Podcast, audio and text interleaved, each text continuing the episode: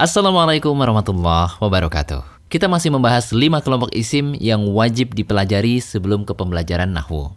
Alhamdulillah kita sudah membahas empat kelompok isim. Sekarang kita lanjutkan pada isim ditinjau dari perubahan akhir kata. Ada kata yang harokat terakhirnya berubah-ubah, seiring dengan perbedaan kedudukannya dalam kalimat. Ada juga kata yang harokat akhirnya tetap, akan tetapi hurufnya yang berubah. Sebagian lagi, ada yang harokat terakhir maupun huruf terakhirnya tidak berubah sama sekali. Karena bila ditinjau dari keadaan akhir kata ini, isim dibagi menjadi dua, yaitu berubah atau mu'rob, yang kedua tetap atau mabni. Lalu, apa itu mu'rob dan mabni? Berubah atau mu'rob adalah kelompok kata yang bisa berubah keadaan akhir katanya seiring perbedaan kedudukan kata tersebut. Contohnya, lafal Allah. Lafal Allah bisa berharokat domah fathah maupun kasrah, tergantung kedudukannya dalam kalimat. Contohnya, Bismillahirrahmanirrahim. Allah la ilaha illa huwal hayyul qayyum.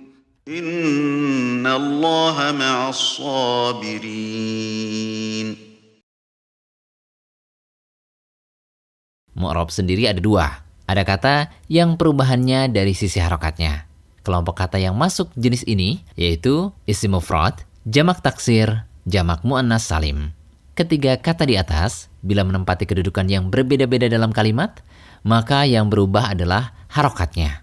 Contohnya, Ja'a rojulun, ro'aitu rojulan, marortu birojulin. Ja'a rijalun, ro'aitu rijalan, marortu birijalin. Ja'atil muslimatu. Ro'aitul muslimati. Marortu bil muslimati. Perhatikan bahwa ketiga jenis kata di atas berubah-ubah sesuai kedudukannya dalam kalimat. Pembahasan tentang rofa, nasob, dan jar serta kedudukan kata dalam kalimat akan dibahas lebih lanjut pada bab-bab selanjutnya. Perubahan huruf. Kelompok kata ini yang berubah bukan harokatnya, melainkan hurufnya. Kelompok kata yang masuk jenis ini adalah musanna, jamak mudakar salim, dan isim-isim yang lima. Ketiga jenis kata tersebut ketika menempati kedudukan yang berbeda-beda dalam kalimat, maka yang berubah adalah hurufnya. Contohnya, ja'a muslimani, ro'aitu muslima ini, marortu bi muslima ini, ja'a muslimuna, ro'aitu muslimina, marortu bi muslimina, ja'a akhuka, Ro'aitu akhoka marortu bi akhika. Perhatikan bahwa ketiga jenis kata di atas yang berubah-ubah adalah hurufnya, bukan harokatnya. Misalkan mutanna ketika menjadi subjek bentuknya ani. Ketika menjadi objek dan ketika didahului huruf jar menjadi aini. Sedangkan harokat terakhirnya sama-sama kasroh. Nah, ini karena isim mutanna yang berubah adalah hurufnya, bukan harokatnya.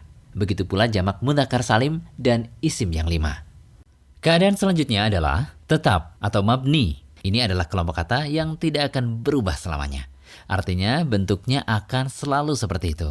Contoh kata yang masuk dalam kelompok kata ini adalah isim isyarah. Misalkan kata hadihi. Bentuknya akan seperti itu selamanya.